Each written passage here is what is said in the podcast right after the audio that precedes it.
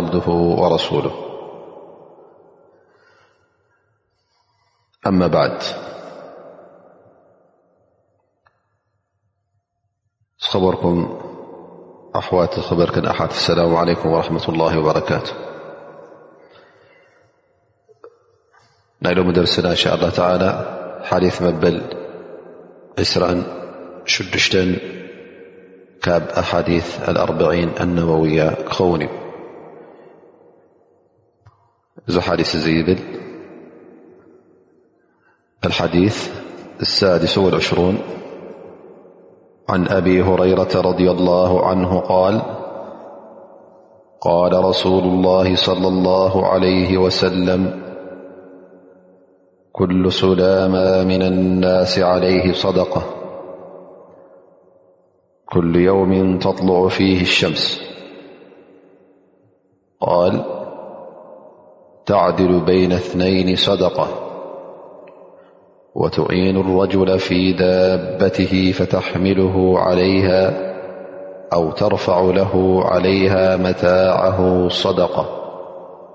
قال والكلمة الطيبة صدقة وكل خطوة تمشيها إلى الصلاة صدقة وتميط الأذى عن الطريق صدقة رواه البخاري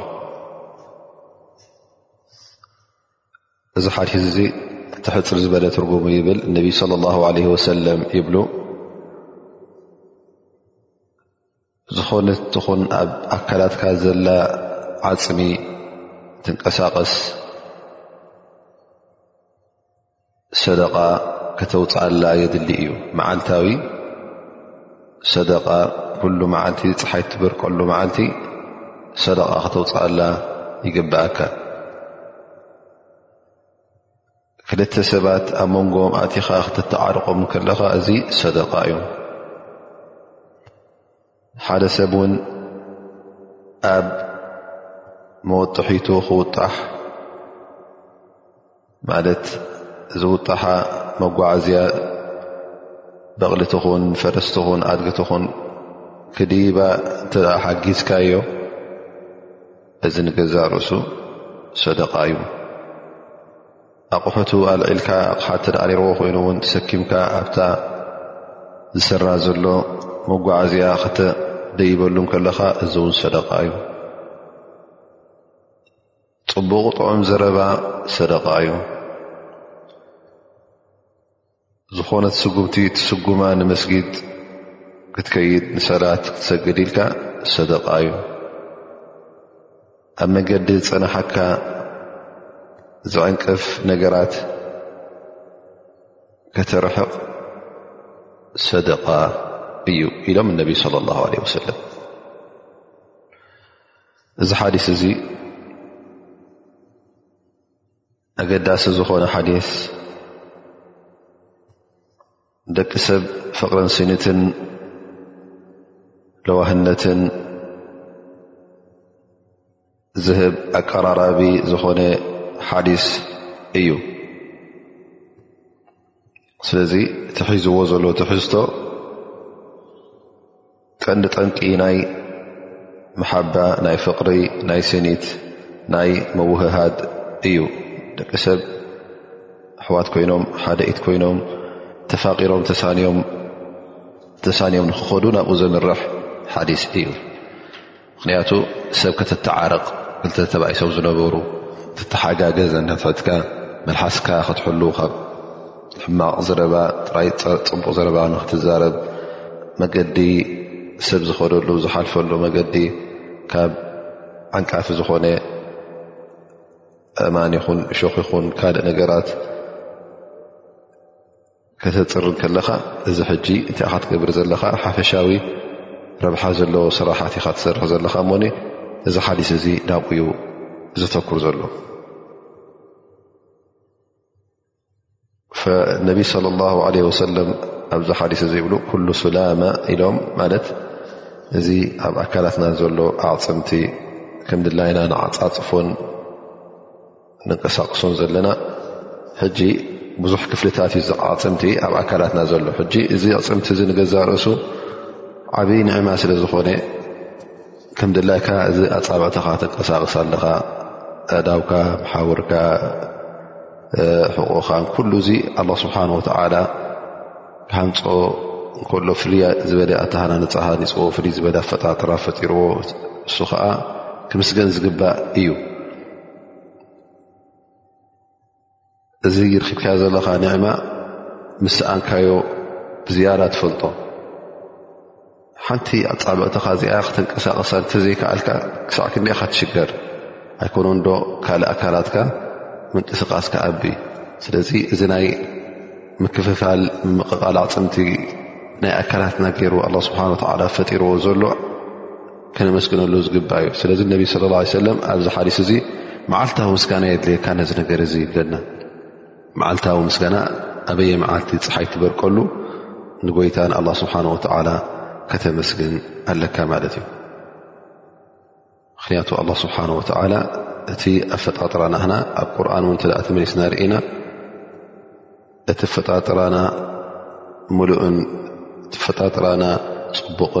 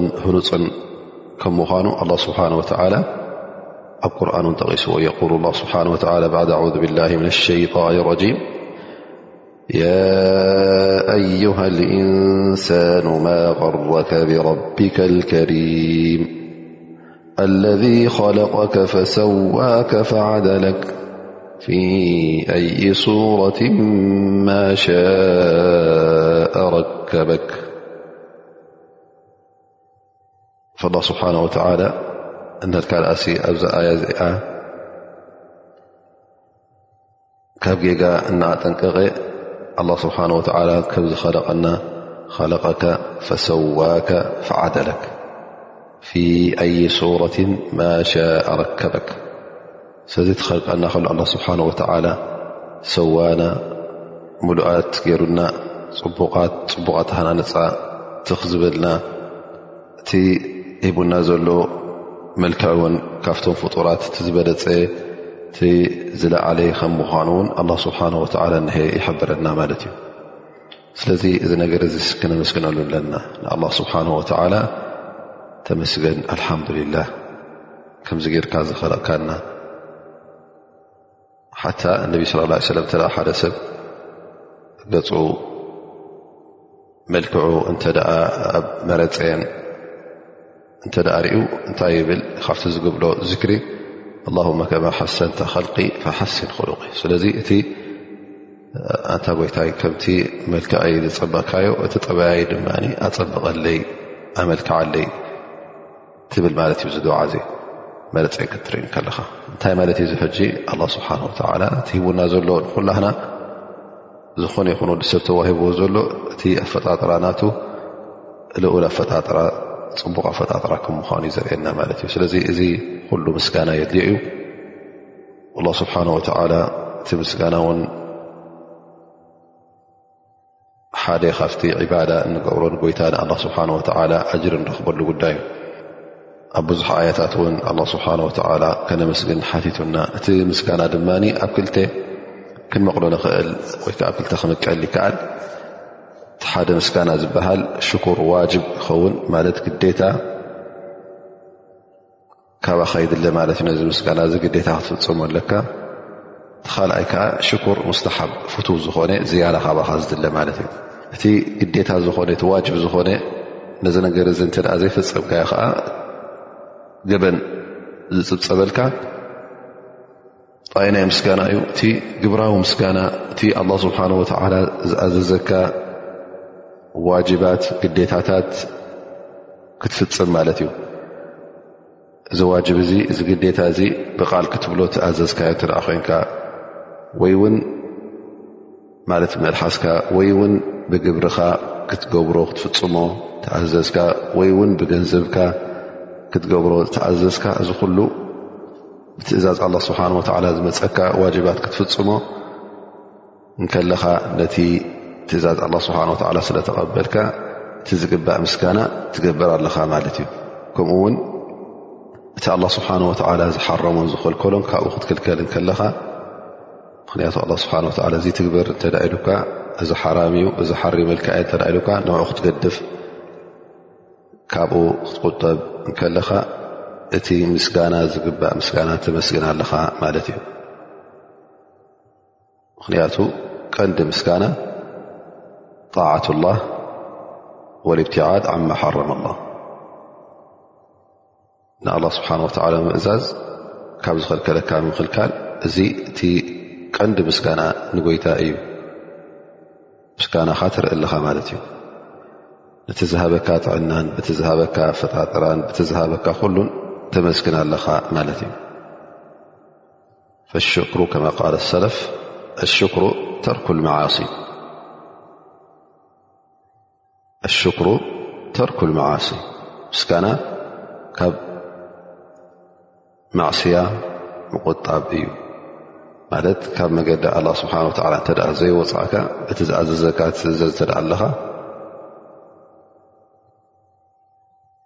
ትእዛዙ ትሰምዕ እንተ ኣለኻ እዚ ንገዛ ርእሱ ምስጋና እዩ ኢሎም እቲ ካልኣይ ምስጋና ድማ ሽኩር ሙስተሓብ ዝበሃል ድማ ፍትው ዝኾነ ዝያዳ እዩ እቲ ባርያ ወዲ ኣላ ባርያ ኣላ ካብቲ ኣላ ስብሓን ወተዓላ ዝኣዘዞ ዋጅባት ግዴታታት ካብኡ ንላዕሊ ክፍፅም እንከሎ እቲ ዘካት ዝበሃል ሓደ ካብቲ ዓነታት እስልምና እዩ ንዕኡ ፈፂሙ ብኡ ጥራይ ደው ዘይበለ እንታይ ደኣ ሰደቃ ሞባእ ብዝያዳ ንመሳኪን ዝህብ ሰላት እተን ፈርዲ ጥራይ ዘይኮነ ሱና ትሰግድ ሱና ቅድሚ ፈርዲ ትስገድ ይኹን ድሕሪ ፈርዲ ትስገድ ይኹን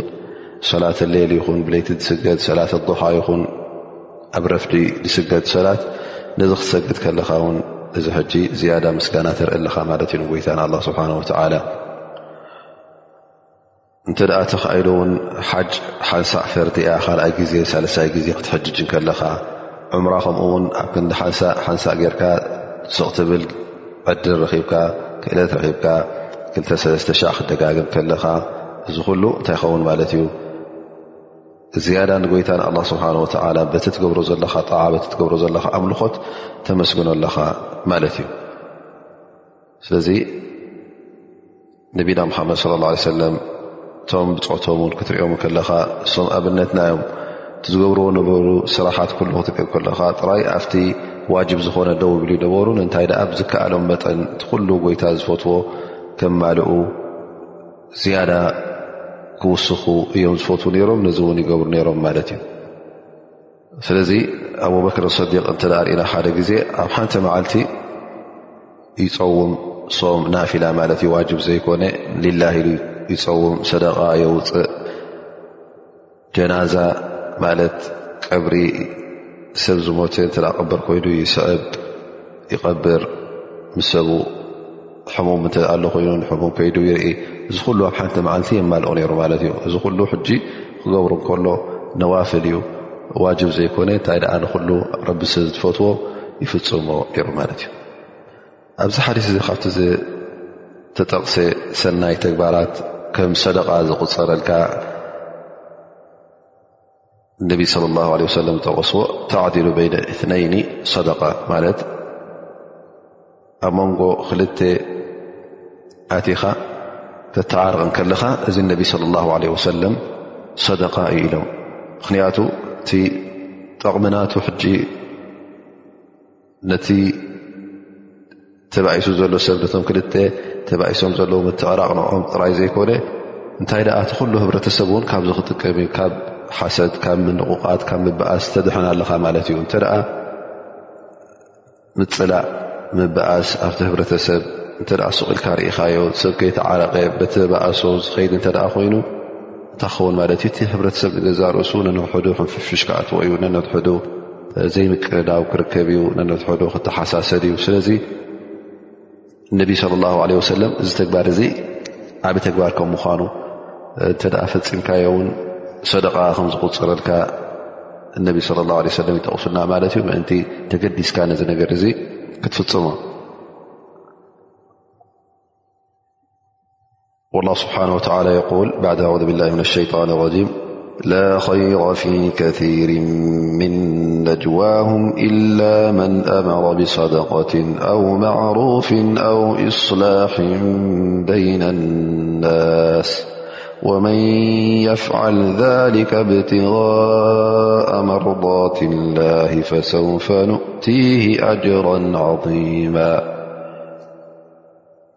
ኣላ ስብሓን ወተዓላ ዝኾነ ይኹን ትገብርዎ ነገራት ዘረባታት ኼር የብሉን እንተ ደኣ ንሓደ ሰብ ሰናይ ሰደቓ ንክገብር ፅቡቕ ንክገብር እንተ ደኣ ዘይእትእዝዙ ኮንኩም ኣው ንቡር ነገር ፍትው ነገር ንክገብር እንተ ደኣ ዘይትዛረቡ ኮንኩም ወይ እውን ኣብ መንጎ ሰባት ኣዕቲኹም ከተተዓርቑ እንተ ደኣ ዘይኮንኩም እንተ እዚ ነገራት ዘይትገብሩ ኮንኩም ትገብርዎ ዘለኹም ኩሉ ኸይረ የብሉን ማለት እዩ ግን እዚ ኣብዚ ኣያ ተጠቕሰ ናይ ሰደቃ ጉዳይ ናይ ንብሩ ጥዑም ፅቡቕ ነገር ምግባር ናይ ምትዕርራቕ እዚ ነገር እዚ ሊላ ኢልካ እንተ ጌርካዮ ኣላ ስብሓን ወተዓላ ዓብዪ ኣጅሪ ኣዳልልካ ከም ዘሎ ኣብዚ ኣያ እዚኣ የብርሃልካ ማለት እዩ እቲ ምትዕራቕ ውን ዝበልናዮ ሕጂ እቶም ተተዓርቖም ዘለኻ ምናልባሽ ሰብኣይን ሰበይትን ይኾኑ ስድራ ይኾኑ ነዚ ስድራ እዚ ተዕቅብ ማለት እዩ በቲ ምትዕረቓካ ምትዕራቕ ውን ሰናይን ፅቡቕን ከም ምኳኑ ናይ ሰብኣይን ሰበይትን ኣላ ስብሓን ወተላ ይብል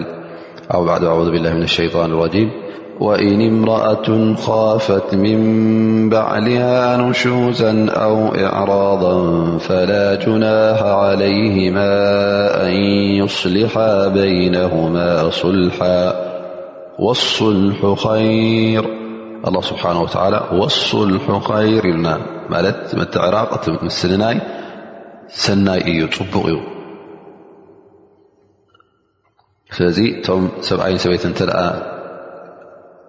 ኣብ መንጎኦም ዘይምርዳእ ተረኪቡ እተ እታ ስድራ ኣብ ሕማቕ መድረኽ እንተ በፂሓ እቲ ምትዕራቕ ፅቡቕ እዩ ኣድላይ እዩ ዝብለና ዘሎ ኣላ ስብሓን ወተላ ስለዚ ሰብኣይን ሰበይትን ካብ ምፍልላይ ኣድሒንካ ክተተዓርቆም ከለኻ እዚ ሕጂ እንታይ ይኸውን ማለት እዩ ሰናይ ተግባር ፅቡቕ ተግባር እቶም ዝተዓረቑ ዘለዉ ውን ሰብኣ ይኹን ሰበይቲ ይኹን ክተዓረቑ ከሎ ግዴታ ካብ ሓዲኦም ተረኸበ ጉድለት ክኸውን ይኽእል እዩ ካብ ክልቲኦም ክኸውን ይኽእል እዩ ስለዚ ክልቲኦም ሲ እንተ ምእንቲ ዕርቂ ንክርከብ ኣብ መንጎ ክልቲኦም ምእንቲ ስኒት ንክርከብ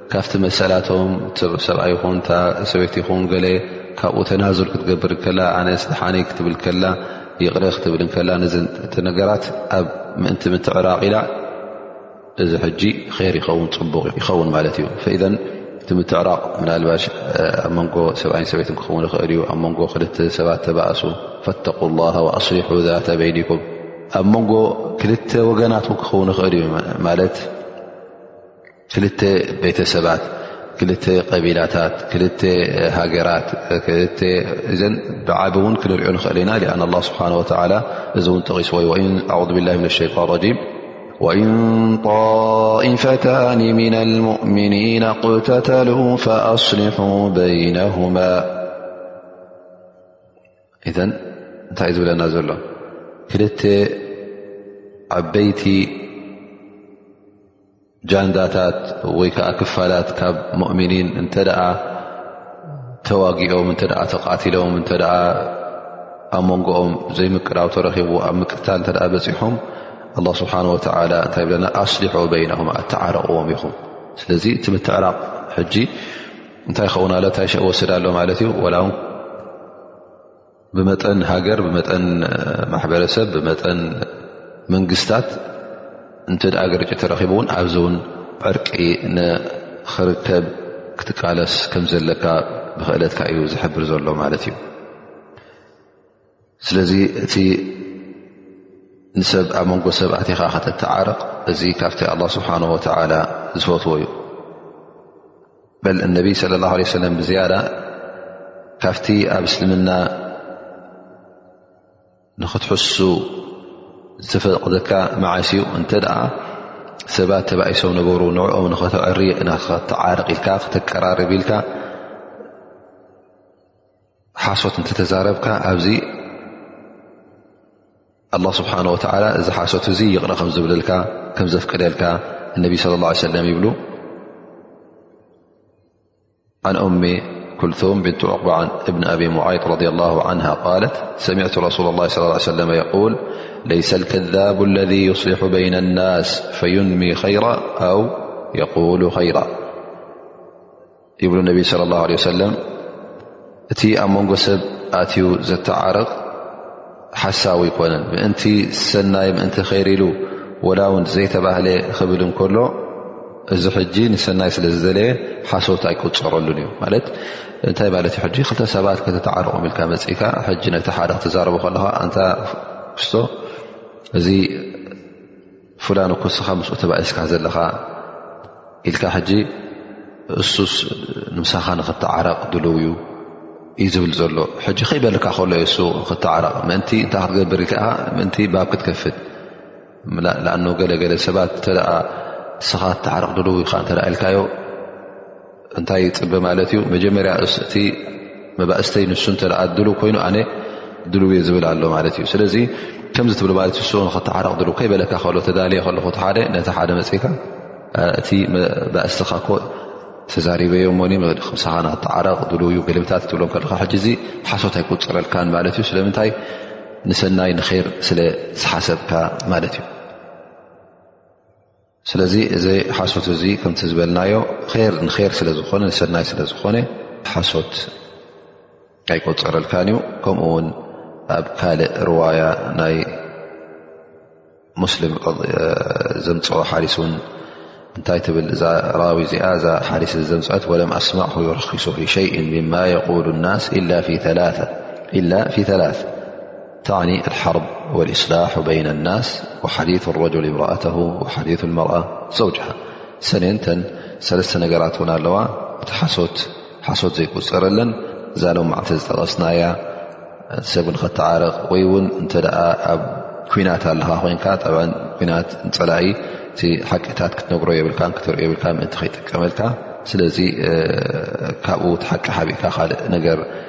ክተቅስ ከለካ ንዕኡ ንክተጠፋፍእ ምንም ሽግር የብሉን ጠብ ኣብ ኩናት ክበሃል ከሎ እቲ ኩናት ንገዛእ ርእሱ ሓቂ ሒዝካ ትዋጋእ እተ ኣለካ ኮይካ እዩ ላኪን እንተ እስኻ ሕጊ ግሂዝካ ወይ ከዓ ዘይናትካ ደሌኻ እተ ኩናት ኣትኻ እስኻ ንገዛእ ርእሱ ክትገብሮ ዘለካ ኩናት ሓራም እዩ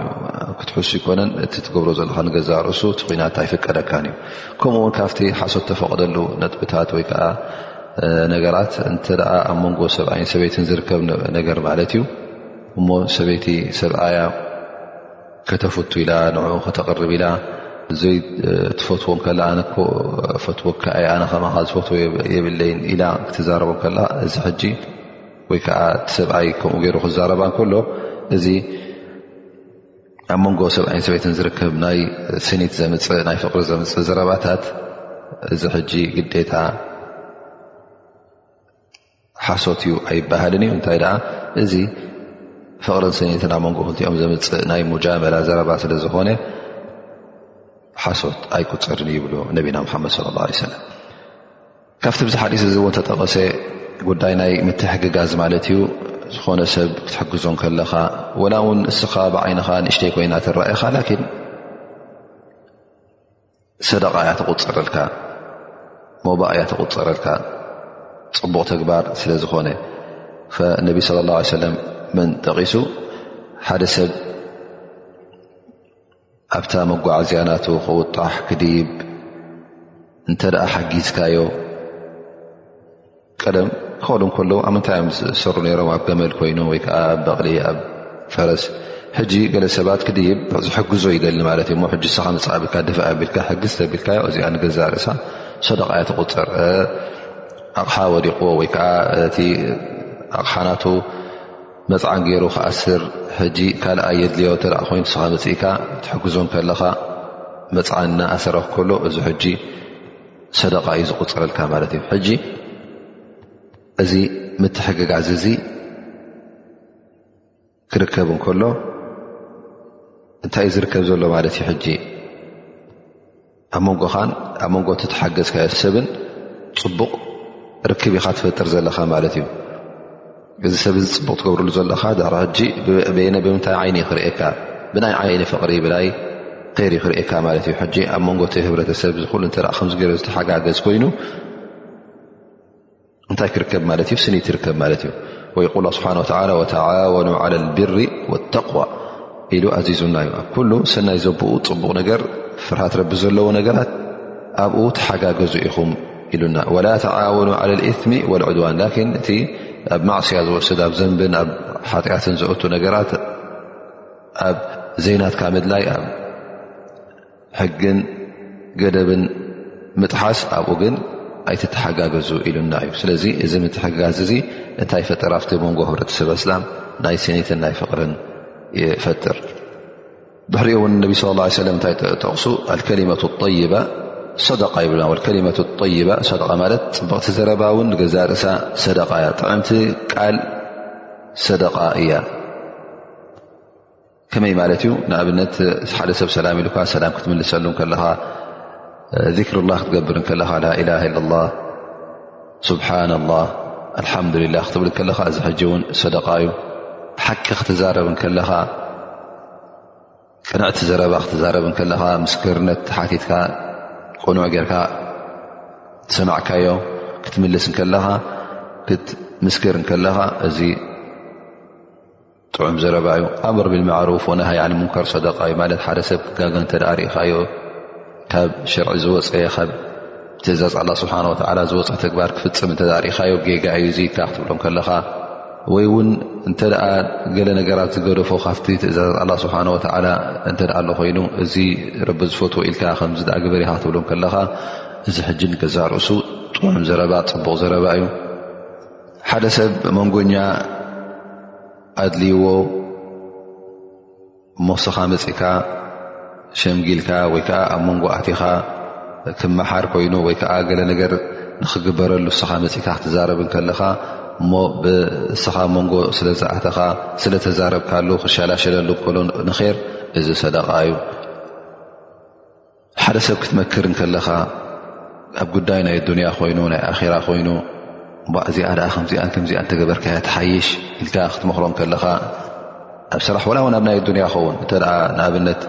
ሸቃጣይ ኮይኑ ገዝእ ሸይጥቲ ኣለ ኮይኑ እቲ ኣገባብ ናይ መሸጣ ከምዚ ከም ተገበርካ ዝያዳ ትኸስብ ከ ከም ዝገበርካ ክትኸስር ኢኻ ኢልካ ክትሕብሮም ከለኻ ካብ ክሳራ ንኸተውፅኦ ኣብ ናይ ስራሕ ጉዳይ እተ ንኣብነት ንበሎ ሕጂ ሓደ ሰብ ፈለኛ መኮይኑ ናይ ኢደ ጥበብ ዘለዎ እሞስኻ ሓደ ካባኻ ዝተሓተ ርኢኻ ንዑ ድማ ከምዝ ከምዝ ጌርካ ኣ ስራሕ ኢኻ ኢልካ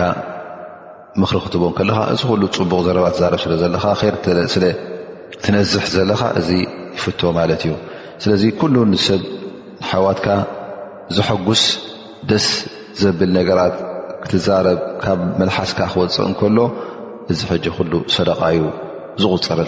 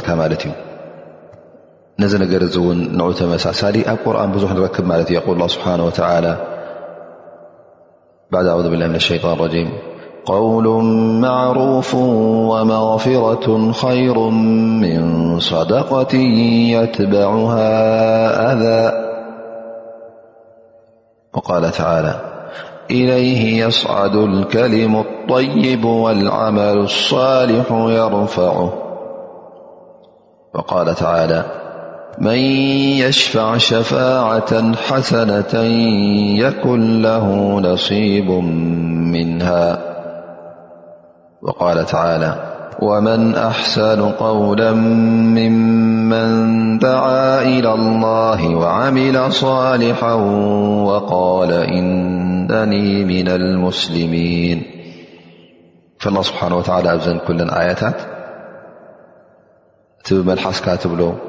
ትዛረቦ ንር ንዳዕዋ ሰብ ናብ ር ንክትፅውዕ ይኹን መንጎኛ ኣቲኻ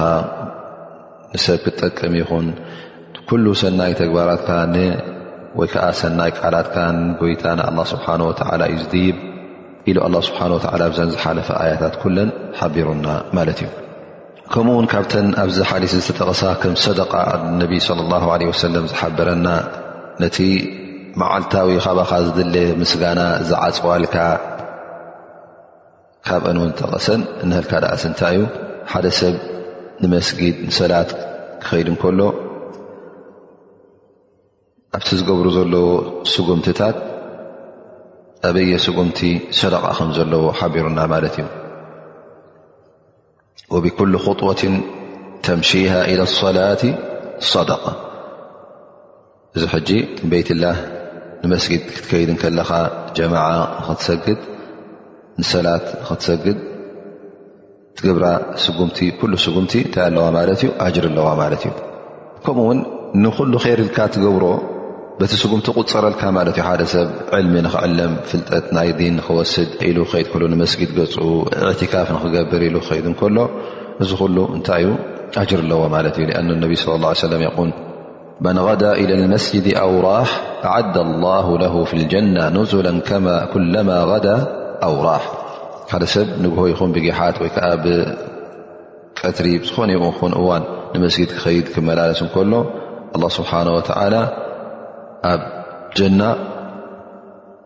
ፍልይ ዝበለ ቦታ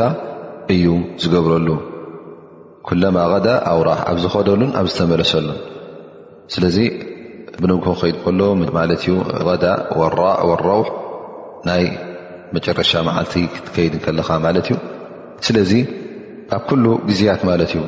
ብንግሆ ትኸዶ ብቐትሪ ትኸዶ ኣብ ኩሉ ግዜያት ንመስጊድ ገፅካ ክትከይድ ከለኻስ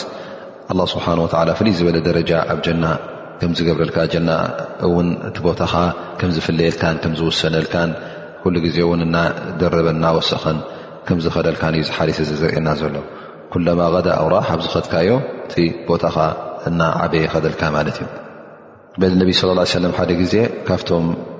በኒ ሰለማ ዝተባሃሉ ስድራ ቤት ነይሮም ካብ መስጊድ ርሑቕ ኢሉ ዩ ትገዝኦም ሕጂ ኣብ ጥቓ መስጊድ ገዛ ረኺቦም ናብኡ ንክቕይሩ ምስ ሓሰቡ ናብኡ ንክሓልፉ እነቢ ስ ሰለም ይብሎም ያ በኒ ሰለማ ኣነስ ከምዝሰሚዐ ገዛ ክትቅይሩን ንጥቓ መስጊድ ክትመፁ እዎ ያ ረሱላ ላ ኢሎም ላያ በኒ ሰላማ ኢሎም ድያርኩም ትክተብ ኣታርኩም ቦታኹም ደኣ ኣብ ገዛኹም ኣብ ውሕሸኩም ምኽንያቱ እቲ ትመፅዎ ዘለኹም ብእግርኹም ትጓዓዝዎ ዘለኹም ሲ ዝያዳ ኣጅር ኣለዎ ዝያዳ ፈሊ ኣለዎ ስለዚ ኣብ ጥቓ መስጊድ ምዃንኩም ዝያዳ ፈሊ ትረኽቡ ኣይምሰልኩም እንታይ ደኣ ኣብቲ ዘለኹም ቦታ ርሕቕኩም ከለኹም እቲ ትመፅዎ ዘለኹም ብንግሆን ጊሓትን ምሸትን ስጉምትታት ንገዛእ ርሱ ኩሉ ብኣጅሩ እዩ ዝቕፅረልኩም ስጉሞ ስጉምቲ እግርኻ ከተንብርን እግርኻ ከተልዕልን ከለኻ እዚ ኣጅሪ እዩ ዝኸትበልካ ማለት ስለዚ ጥቓ መስጊድ ምዃንካ ዝያዳ ኣጅሪ ዘለዎ ኣይምሰልኩም እንታይ ደኣ ተረሒቑ ዘሎ ካብ ኒው ዝመፅእ እሱኢቲ ኣጅሪ ዝያዳ ዝረክብ ኢሎም እነቢ ለ ላ ለ ሰለም ይሕብሩ ማለት እዩ ምክንያቱ ጥቓ መስጊድ ዘሎ ዓሰርተ ስጉምቲ ክስገሙ እንከሎ እቲ ካብ መስጊድ ሒቁ ዘሎ ሚቲ ስጉምቲ ክሰጉሙ እንከሎ እቲ በዓል ሚቲ ስጉምቲ ዝያዳ ብልፀት ይረክብ ምክንያቱ ንመስጊድ ኢሉ ስለተበገሰ ንያናቱ ንከር ስለ ዝኾነ እታ መጨረሻ ዝጠቐሳ ከም ሰደቃ እትቁፅር እውን እነቢ ለ ላ ለ ሰለም ጠቐስዋ ወተሚጡ ልኣዛ ዓን ጠሪቂ ሰደቃ ኣብ መንገዲ ገለ ንሰብ ዝጎድእ ነገራት